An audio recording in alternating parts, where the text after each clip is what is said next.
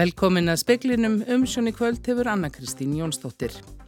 Með sameigilu átæki, ríkis og sveitarfélaga á að byggja 20.000 íbúður á næstu fimm árum. Stjórn flokks fólksins ræður í kvöld um ásakanir um að flokkskonur hafi sætt áreitni og lítilsvirðingu af hálfu fórustu kalla flokksins á Akureyri. Hrakfarir rúsa í Úkrænu síðustu daga kinda undir olgu í rúsnesku samfélagi að dómi sérfræðings í málefnum Rúslands. Hverfisráð í Petursborg og Mosku hafa kvart Vladimir Putin fórsetta til afsagnar. Framlög til kveikmyndamiðstöðar Íslands og kveikmyndasjóðus eru lækkuðum næri þriðjung í nýju fjárlagafrömmarfi og áfengiskjöld hækka um 7,8% um áramótin og markfaldast í fríöfnunni. Talið er að áfengiskjöld skili 25 miljörðum í ríkisjóða næsta ári og bruggar að segja yfirvöld líti á greinina sem mjölkur kú. Þá að byggja 35.000 nýjar íbúður á næstu 10 árum, þar af 20.000 á næstu 5 árum. Sameilegt átak ríkis og sveitarfélaga um aukið frambúða húsnaði var kynnt í dag. Um 30% þessara íbúða eiga að verða hagkvæmar og viðröðanlegu verði og um 5% þeirra verða félagslegar íbúðir. Húsnæðis og mannvirkjastofnun mun vinna með sveitarfélögum við að meta núverandi húsnæðis á allanir og greina frekari tækifæri til uppbyggingar. Við trúum á það. Eh, við ætlum, erum að gera núna langtíma eh, áallun eh, þar sem að við getum séð og verktakarnir geta byggingarlæðinni geta undirbúið sig. Við erum með, jú þetta eru háleit markmið og við höfum ekki verið að, að ná að byggja þetta margar íbúður á ári hinga til en við trúum að með því að vera með svona langtíma áallun og eftirfylgjuna að þá náum við okkar margmiðum. Segir Elmar Þór Erlendsson teimistjóri hjá HMS. Hann segist trú að því að verktakar finnist í þetta stóra verkefni. Við sem deilum alveg þeim áhyggjum líka en, en okkar samtöl við yðnaðin er uh, þannig að, að verktakarnir segjast geta bætt við síðan verkefnum sagði Elmar Þór Erlendsson, Sunna Karin Sigurþórsdóttir tók saman. Stjórnflokks fólksins hittist í kvöld til að ræða ásakanir um að konur á listaflokksins í sveitarstjórnarkostningum í vor hafi verið lítilsvirtar og hundstaðar af körlum í fórustuflokksins á Akureyri en sá sem var í þriðja sætt í vor á Akureyri hefur nú vísað ásakunum á bög. Kristín Siguradóttir Frettamæður er við sapnaðar heimili Gravarvókskirkju þar sem að stjórnafundurinn er haldinn. Já, Kristín, er þetta opinn fundur? Nei, þetta er lokarfundur bara fyrir þau nýju sem sitja í stjórninni og fundurum virðist nú vera bara að byrja því að það var náttúrulega læst hérna að sér og, og vörðust allra fregna þegar voru að gangin á fundin. Eh, ég náði þó smávegist tala af Ingu Sæland formann í flokksinn sem sagði að þýrt að fara yfir um 250 skeiti sem þá vantilega einhverja skeitasendingar á milli fólks á frambóðslistanum á Akureyri, á þess að ég veit það alveg fyrir vist, en það, svona, það þurfu allavega uh, daldinn tíma í þetta. Hún samt svona gaf vilirði fyrir því að hún myndi nú kannski koma hérna fram svona um sjöleitið og koma þá beint inn í sjómarsvettirnar í kvöld. En þegar það var streymtinga að þessi stjórnumenn þó verist ekki verið alveg fullt skipað. Við erum allavega búin að vera hérna í svona góðan hálftíma og þau eru komin hinga nokkur, allavega 5-6 manns. Og það var nú þingmaður flokksins Guðmundur Ingi Kristjánsson sem tók þetta upp eða svona ofinberlega í morgun. Er hann á fundin? Já, hann er komin og Kolbrún Baldurstóttir, borgarfulltrúi flokksins og, og nokkrir hann til viðbótar. Mm. En þetta er nýju mannastjórn og þrýr varamenn og þannig að það er nú allavega ekki alveg fullskipa sínist mér á öllu. En við segjum nánar frá þessu, þú heyri kannski eitthvað meira eftir því sem að framvindur á þessum fundi. Kristín Sigurðardóttir og verður í sjónvarsfyrirtónum líka eftir. Takk fyrir. Hverfisráð í Pétursborg og Moskvu hafa kvart Vladimir Putin rúslandsforsetta til að segja af sér undanfatna viku. Olga er að myndast í rúslandsku samfélagi og hún tengist hrakförum rúsa í Úkrænu síðustu daga, segir profesor við Háskóla Íslands. Hverfisráð eru lægsta stjórnsýslustíið á sveitastjórnastíið í Rúslandi og hafa lítil völd.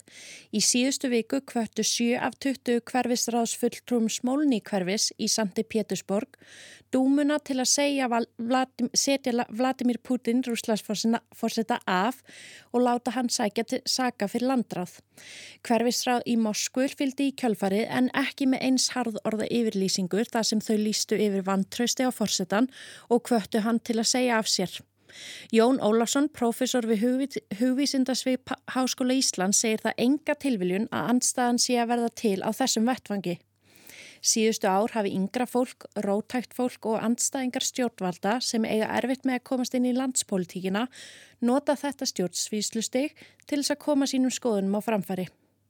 Og uh, sko ennþá er þetta bara nokkru týjir manna uh, sem að hafa gert þetta og, og, og það er sem sagt um, svona eh, hverfis fulltrúi í, í, í Sántu Pétursborg sem hefur haft aldrei fórist um þetta. Ég menna kannski fjarar þetta út en, en kannski, kannski sér maður einhverja einhverja reyfingu myndast, það er vel erfitt að segja. Saði Jón Ólafsson. Hann segir Olgu vera að myndast í rúsnesku samfélagi vegna hrakvara rúsa í Úkrænu þá, þá sérstaklega síðustu daga.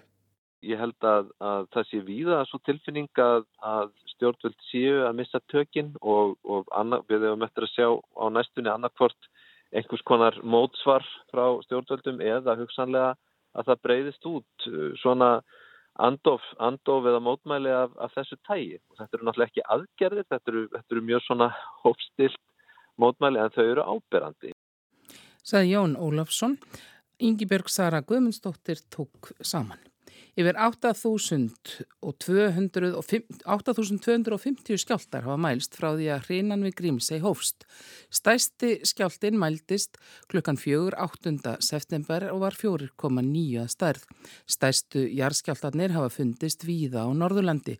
Síðast var svipuð jarðskjáltarhina í februar 2018 á álíka slóðum. Almannavarnir lístu yfir óvissustígi vegna hrinunar í síðustu viku. Lagt er til í nýju fjárlegafrumvarfi að framlög til kvikmynd, kvikmyndamiðstöðar Íslands og kvikmyndasjóðs lækjum næri þriðjung. Forstuðumadur kvikmyndamiðstöðar segir að frumvarfið eigi vissulega eftir að taka miklum breytingum en er þó bröðið. Í fjárlögum ársins í ár var kvikmyndamiðstöð Íslands útlutað 151 miljón króna og í kvikmyndasjóð rann 1,5 miljardur. Á næsta ári er hins vegar lagt til að aðeins 100 miljónum verði veitt til miðstöðurinnar og miljardi til sjóðsins. Það gerur um þriðjungsskerðingu á fjárframlögum ríkisins.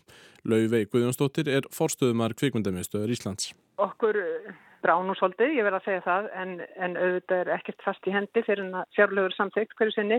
Kvikmyndamiðstöð Íslands aðstóðar íslenska kvikmyndaframlegendur við að íta verkefnum sínum úr vör, hefur umsjón með útlutnur úr kvikmyndasjóði og sinnir kynningamálum fyrir íslenskan kvikmyndaiðnað.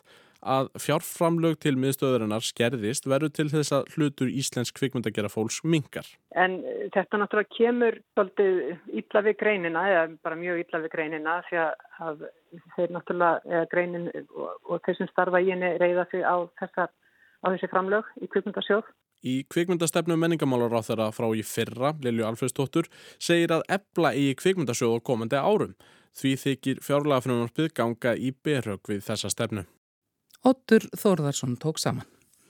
Guðni T.H. Jóhannesson, fórseti Íslands, segir að það hljóti að vera megin markmið alþingismanna að bæta hag og heilsu fólksins í landinu.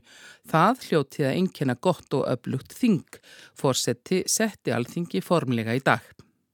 Þetta er í fyrsta skipti í þrjú ár sem alþingi er sett með hefðbundnum hætti að viðstöldum gestum en faraldurinn hefur sett svip sinn á setninguna í síðustu tvö skipti. Atöflun hós með Guðsjónusti í Dómkirkjunu þar sem sér að Hildur Eir Bolladóttir prestur í Akureyrakirkju pretikaði og Kammerkór Dómkirkjunar söng. Guðinni T.H. Jóhannesson fórseti Ísland setti síðan 153. löggevarþingið og hann saði þingheim endur spekla samfélagið og að stert þing staðnaði ekki, festist ekki í viðjum vanans.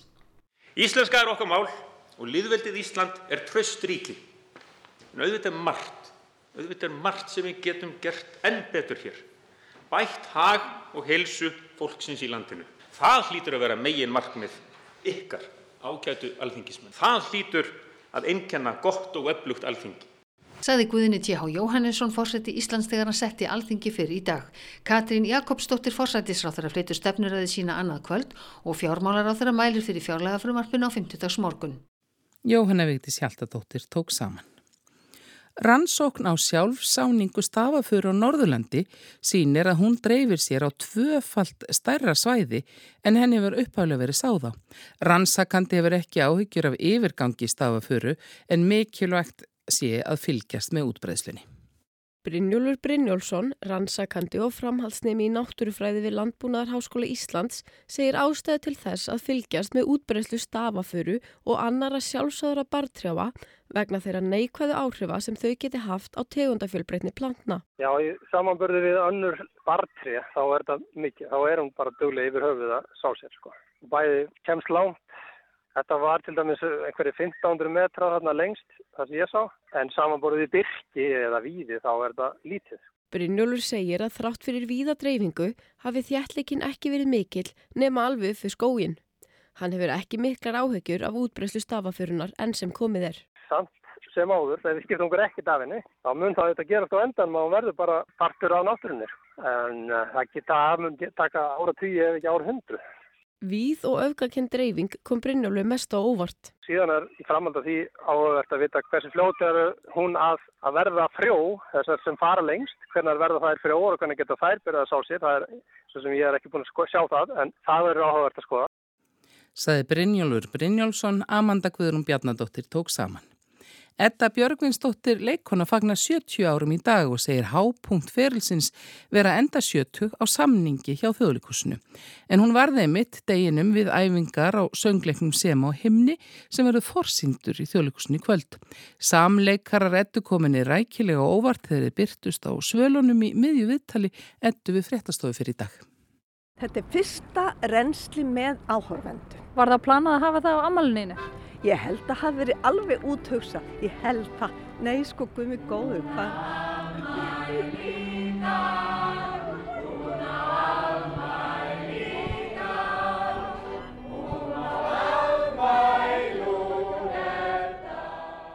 Og þarna voru starfsmenn þjóðleikúsins að syngja fyrir Eddu Björgunsdóttur. Örður Örlugsdóttir talaði við hana.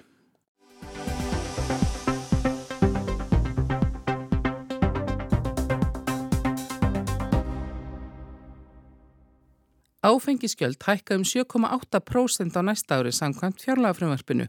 Formaður samtaka handverks brugghúsa segir að svo verðist sem yfirvöld líti á greinina sem mjölkur kú og setur fjárhæð áfengiskjölda í samengi við veiðigjöld og þau séu mjög lagri.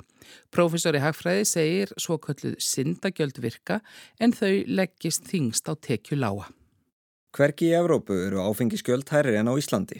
Hlutur ríkisins í seldum bjór er jafnan um 40% og á vodkaflösku er hann um 85%. Þá er ótalinn álagning á TFR. Í fjárlega frumöppi næsta árs er gert ráð fyrir áfengiskjald eins og önnu krónutölugjöld hækki um 7,8%. Það er eins og er ekki í vestlunum á TFR sem verð hækkar mest um áramót, heldur í fríhöfninni. Einhver geti talið að í fríhöfn væru engin áfengiskjöld, en þá hefði sá ránt fyrir sér. Áfengi í fríhöfninni ber áfengiskjald. Það er bara lægra, 10% af hefðbundum áfengisgjaldi.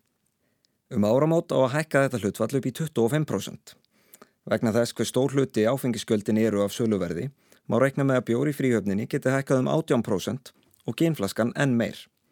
7,8% af hækkunum áramót er alltaf að mæta verðbólgunni í fyrra, en með þessu halda gjöldin raunverið sínu. En hækkan eru ofinbæra gjald að auka sjálfara á verðbólguna, sem er langt umfram ofinbært markmið upp á 2,5% á ríkið að íta undir verðbólguna með þessum hætti? Nei, með yngum hætti getum við verið sammála þessari aðferð uh, ríkistjórnunar. Lauvi Sif Lárustóttir er formaður samtaka íslenskra handverksbrukúsa.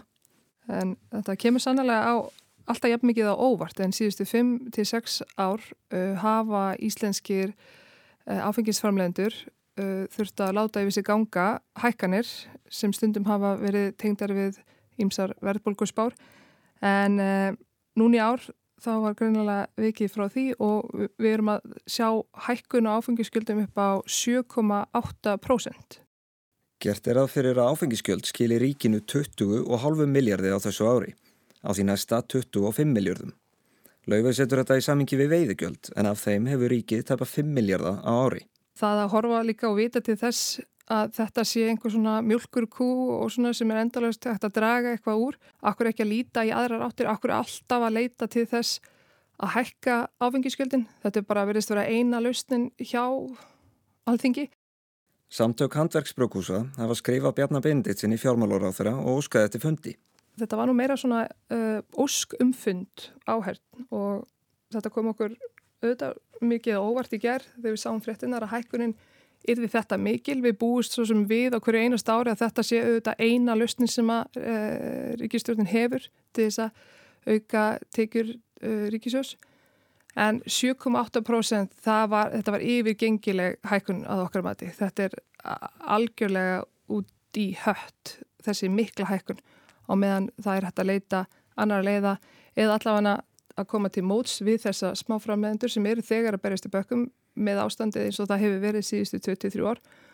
Og bara í erundinu til Bjarnar og fjármála og efnagastur áþráða þá byggjum við í raun bara um fund þar sem við getum farið yfir stöðu íslenskara handverksbyrkúsa uh, hvað við sjáum fyrir okkur uh, og svona ákveðnar mótvæðis aðgeri til að þess að koma til móts við þessa framlegendur, þessa smáframlegendur í samtöngum til dæmis íslenska handverksbyrkúsa sem og uh, aðgerið sem myndu hagnast og, og, og þarna sefa fleiri. En áfengiskjöld er ekki lögð á að ástöðlösu. Þessi gjöld er nú kölluð syndagjöld stundum í hagfræðinni og eh, ástæðan er svo að neistla þessa varnings hefur annarkvort áhrif á einstaklingin sem neytir hans eða þá að neistlan hefur áhrif á aðra. Segði Þórólu Mattíasson, professor í hagfræði.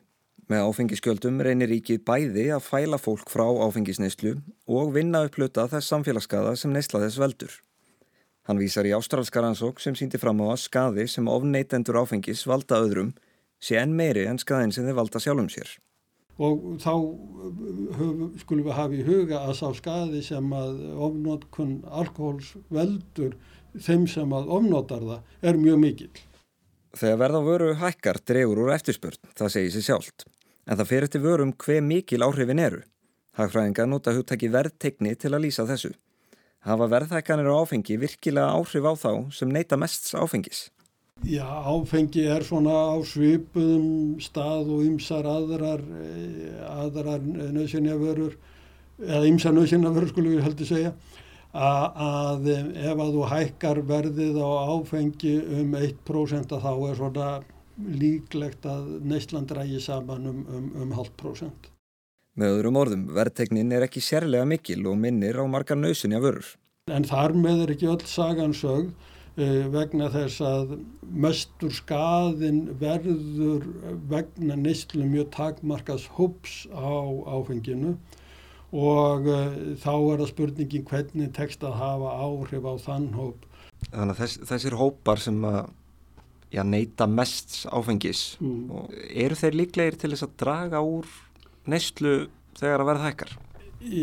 Þeir eru líklegir til þess að flytja neysluna til og þess vegna hafa breytarnir meðal annars komið upp með þessa hugmynd um að að, að vera með lámarsverð á áfengiseiningu til þess að, að, að stöðva svona uh, tilraunir stórdyrkjumannana til að flýtja nesluna yfir í sífælt ódýrar og ódýrar áfengiseiningar og það hefur svona borið ákveðna, ákveðin árangur.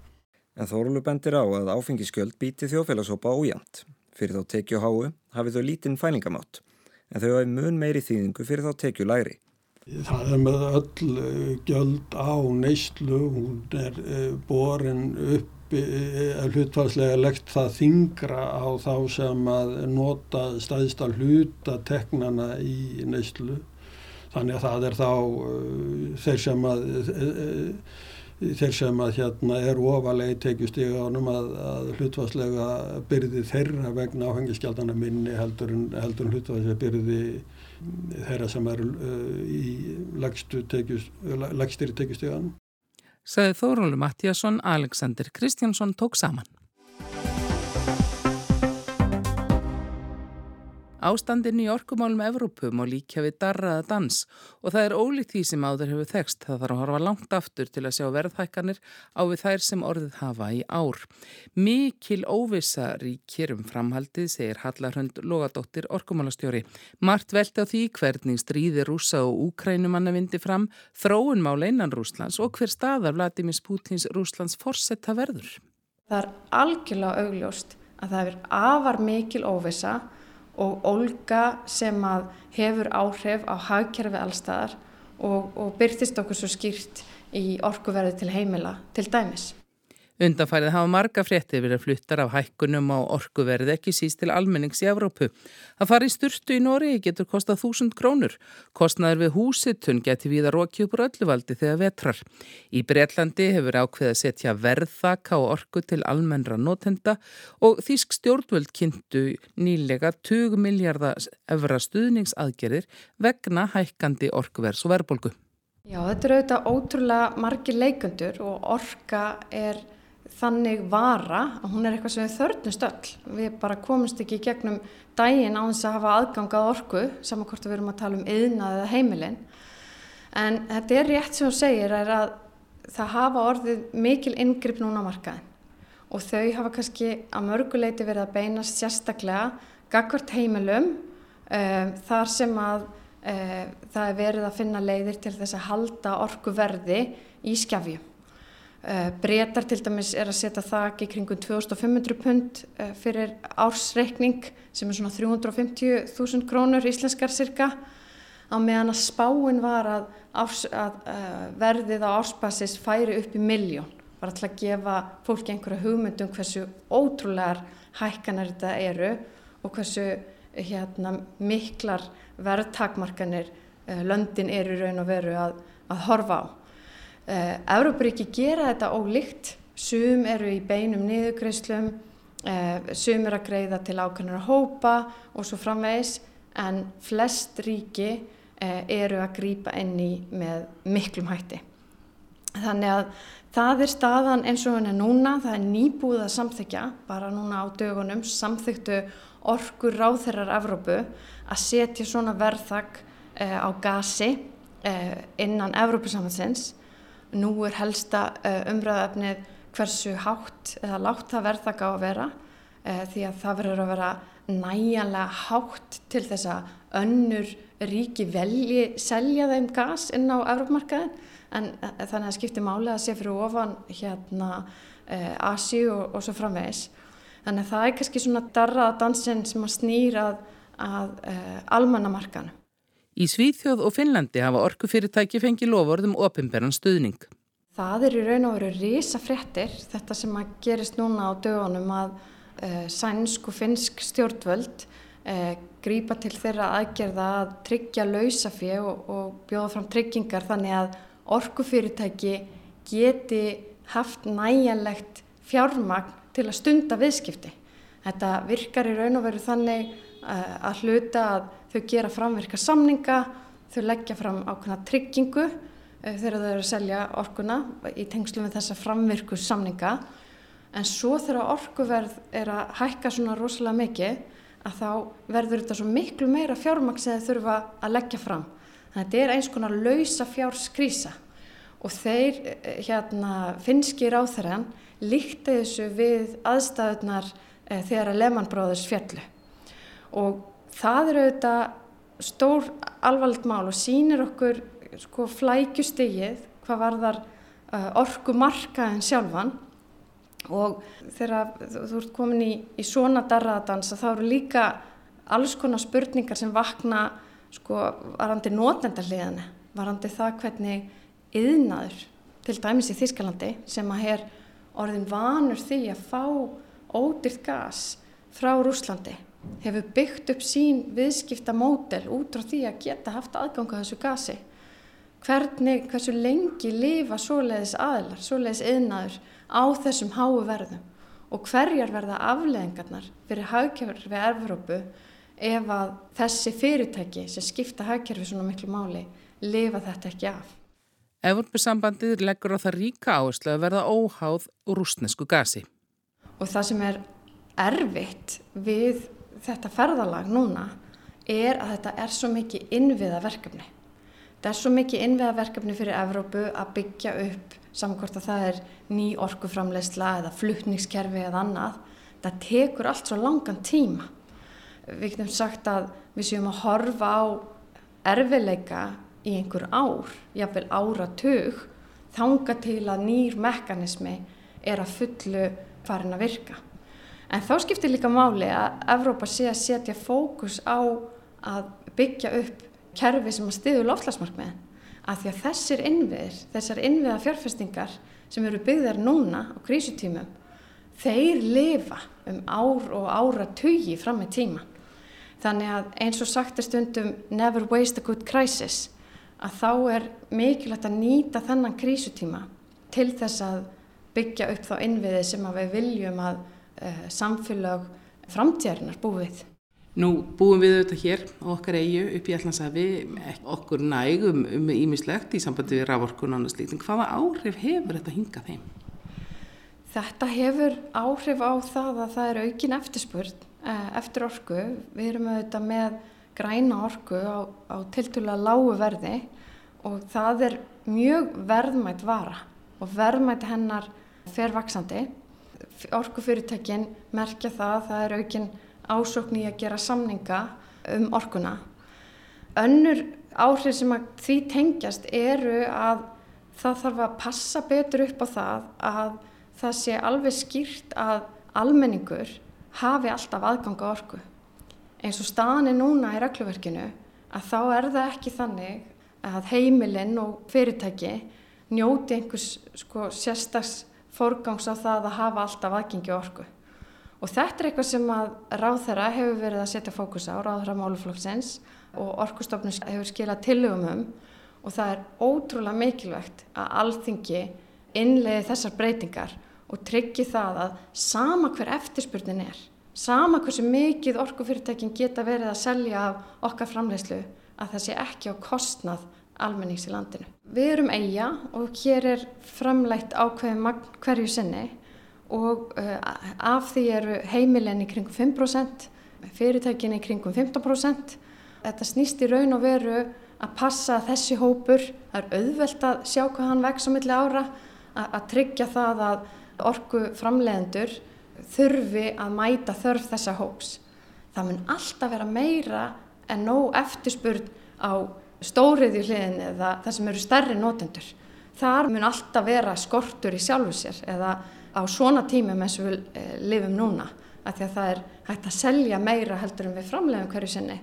Stóra málið er að passa að, að heimilin og almenningur hafi alltaf e, aðgengi af orku og það er eins og ég segi, það þarf að útfæra regluverk betur hvað það var þar og það kannski tengist síðustu áhrifunum Við erum að sjá ímsa bresti í reglverki Evrópasamhansins. Það hefur verið gaggrind að það hafi verið ómikl fókus á hagnaðadryfni og samkeppni á kostna orku öryggis og það eru tækifæri fyrir okkur að því okkur hefur gengið býstan vel ef við horfum á orku öryggi og verðlag að vera gaggrinin líka á þetta regluverk sem við höfum og erum að einlega og fylgjast vel með hvernig endurskoðunin verður í Evrópu. Á hverju þarf að skerpa núna til þess að tryggja öryggi almennar notenda? Það þarf að skýra það sérstaklega í lögum, hvernig, hver ábyrðin er. Þetta var þannig að landsvirkjun sem eru auðvitað í eigu okkar bar ábyrð á þessu, ég held að það hefur verið árið 2003 mann rétt, það var svo ábyrð tekin af og hefur ekki verið sett á í neinu formi aftur. Þannig að þetta er eitthvað sem að, uh, þarf að skerpa sérstaklega og svo aftur við erum að sjá alls konar áskoranir tengdan markanum sjálfum. Og við erum að innlega sömu lögjöf í Íslandi gegnum Evropalögjöf og orkupakka og, og fleira. Og það eru tækifæri fyrir okkur líka núna að flýta okkur hægt, fylgjast með hver endurskoðunin verður í Evrópu og passa að við séum að vanda okkur sem allra mest og séum gaggrinnin á það hvernig umgjörð orkumála er hér þannig hún nýtist samfélaginu sem allra best. Saði Hallarhund Lógadóttir orkumálastjóri. Það verður norðan góla eða kaldi á morgun og bjart með köplum en dáli til væta og austanverðu landinu og kólinar heldur. Fleir er ekki speglunum í kvöld, tæknimaður var Jón Þór Helgason, verið sæl.